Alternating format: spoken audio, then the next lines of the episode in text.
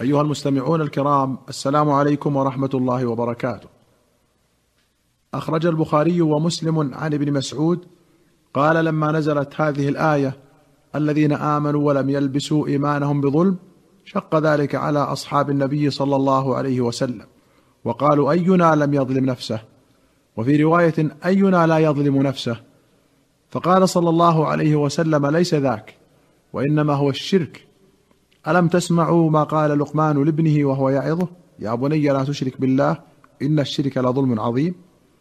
وفي رواية قال ليس كما تظنون إنما هو كما قال لقمان لابنه. يا بني لا تشرك بالله إن الشرك لظلم عظيم. وفي أخرى ألم تسمعوا قول العبد الصالح؟ يا بني لا تشرك بالله إن الشرك لظلم عظيم. وأخرج البخاري عن ابن عباس قال إذا سرك أن تعلم جهل العرب فاقرأ ما فوق الثلاثين ومائه من سورة الأنعام. قد خسر الذين قتلوا أولادهم سفها بغير علم وحرموا ما رزقهم الله افتراء على الله. قد ضلوا وما كانوا مهتدين. وأخرج مسلم عن أبي هريرة أن رسول الله صلى الله عليه وسلم قال ثلاث إذا خرجنا لا ينفع نفسا إيمانها لم تكن آمنت من قبل أو كسبت في إيمانها خيرا. طلوع الشمس من مغربها والدجال ودابة الأرض. وأخرج مسلم عن ابن عباس قال كانت المرأة تطوف بالبيت وهي عريانة فتقول من يعيرني تطوافا تجعله على فرجها وتقول اليوم يبدو بعضه أو كله وما بدا منه فلا أحله. فنزلت هذه الآية خذوا زينتكم عند كل مسجد. قوله تطوافا هو ثوب تجعله المرأة عليها تستر به عورتها. وكان أهل الجاهلية يطوفون عراه وأخرج البخاري عن عبد الله بن الزبير في قوله خذ العفو وأمر بالعرف وأعرض عن الجاهلين. قال ما أنزل الله هذه إلا في أخلاق الناس. قال الراغب خذ العفو معناه خذ ما سهل تناوله.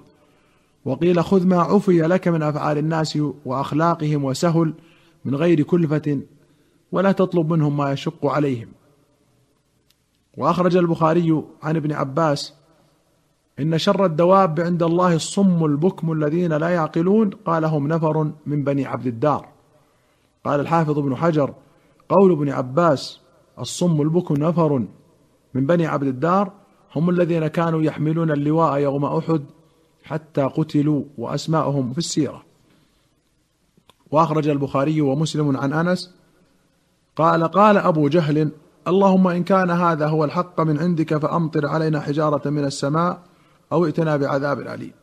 فنزلت وما كان الله ليعذبهم وأنت فيهم وما كان الله معذبهم وهم يستغفرون وما لهم ألا يعذبهم الله وهم يصدون عن المسجد الحرام. الآية. وأخرج البخاري عن ابن عباس قال لما نزلت إن يكن منكم عشرون صابرون يغلب مئتين كتب عليهم ألا يفر واحد من عشرة. وقال سفيان غير مرة ألا يفر عشرون من مئتين. ثم نزلت الآن خفف الله عنكم الآية فكتب عليهم ألا يفر مئة من مئتين. وزاد سفيان مرة نزلت حرض المؤمنين على القتال إن يكن منكم عشرون صابرون. قال سفيان وقال ابن شبرمة وأرى الأمر بالمعروف والنهي عن المنكر مثل هذا. وفي رواية قال ابن عباس لما نزلت إن يكن منكم عشرون صابرون يغلب مئتين شق ذلك على المسلمين حين فرض عليهم ألا يفر واحد من عشرة. فجاء التخفيف فقال الآن خفف الله عنكم وعلم أن فيكم ضعفا فإن يكن منكم مئة صابرة يغلبوا مئتين. فلما خفف الله عنهم من العدة نقص من الصبر بقدر ما خفف عنهم. قوله مثل هذا أي أن الأمر بالمعروف والنهي عن المنكر حكمه حكم الجهاد. فإن كان من يفعل المنكر أكثر من اثنين جاز للواحد عدم الإنكار. وإن كان اثنين فأقل وجب الإنكار. وأخرج الشيخان عن سعيد بن جبير قال قلت لابن عباس سورة التوبة. فقال التوبة هي الفاضحة. ما زالت تنزل ومنهم ومنهم حتى ظنوا الا يبقى أحد إلا ذكر فيها. قال قلت سورة الأنفال قال نزلت في بدر. قلت سورة الحشر قال نزلت في بني النضير. وفي رواية قلت لابن عباس سورة الحشر قال قل سورة بني النضير. وأخرج مسلم عن النعمان بن بشير قال كنت عند منبر رسول الله صلى الله عليه وسلم. فقال رجل ما أبالي ألا أعمل عملا بعد الإسلام إلا أن أسقي الحاج. وقال آخر ما أبالي ألا أعمل عملا بعد الإسلام إلا أن أعمر المسجد الحرام. وقال آخر الجهاد في سبيل الله أفضل مما قلتم. فزجرهم عمر. وقال لا ترفعوا أصواتكم عند منبر رسول الله صلى الله عليه وسلم وهو يوم الجمعة. ولكن إذا صليت الجمعة دخلت فاستفتيته فيما اختلفتم فيه. فأنزل الله عز وجل أجعلتم سقاية الحاج وعمارة المسجد الحرام كمن آمن بالله واليوم الآخر وجاهد في سبيل الله. الآية إلى آخرها. وأخرج البخاري عن محمد بن عباد أنه سمع ابن عباس يقرأ ألا إنهم تثنوني صدورهم؟ قال فسألته عنها. فقال كان أناس يستحيون أن يتخلوا فيفضوا إلى السماء. وأن يجامعوا نساءهم فيفضوا إلى السماء. فنزل ذلك فيهم. وفي رواية قال كان الرجل يجامع امرأته فيستحيي أو يتخلى فيستحيي. فنزلت ألا إنهم تثنوني صدورهم. تثنوني وقرئ يثنوني مضارع ثنون أي انعطف. كان أحدهم يطوي بعضه على بعض ليستر عورته. وقيل نزلت في المنافقين. وقوله يتخلوا أن يقضوا حاجتهم في الخلاء. وأخرج البخاري عن عروة بن الزبير أنه سأل عائشة عن قوله تعالى حتى إذا استيأس الرسل وظنوا أنهم قد كذبوا أو كذبوا قالت بل كذبهم قومهم. فقلت والله لقد استيقنوا أن قومهم كذبوهم وما هو بالظن. فقالت يا عرية أجل لقد استيقنوا بذلك. فقلت لعلها قد كذبوا. فقالت معاذ الله لم تكن الرسل تظن ذلك بربها. قلت فما هذه الآية؟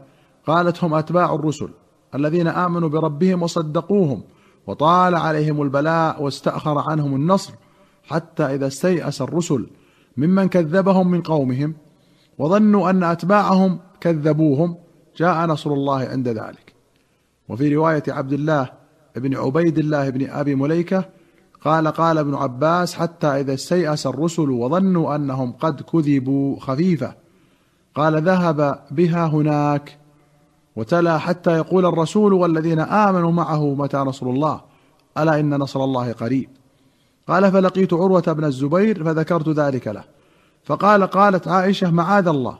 والله ما وعد الله رسوله من شيء قط إلا علم أنه كائن قبل أن يموت. ولكن لم تزل البلايا بالرسل حتى خافوا أن يكون من معهم من قومهم يكذبونهم وكانت تقرأها وظنوا أنهم قد كذبوا مثقلة. قال أبو عبد الله البخاري استيأسوا استفعلوا من يئست منه. انتهى. قال ابن جوزي في زاد المسير قرأ ابن كثير ونافع وأبو عمرو وابن عامر كذبوا مشددة. والمعنى تيقن الرسل أن قومهم قد كذبوهم فيكون الظن ها هنا بمعنى اليقين. هذا قول الحسن وعطاء وقتادة. وقرأ عاصم وحمزة والكسائي كذبوا خفيفة. والمعنى ظن قومهم أن الرسل قد كذبوا فيما وعدوا به من النصر لأن الرسل لا يظنون ذلك.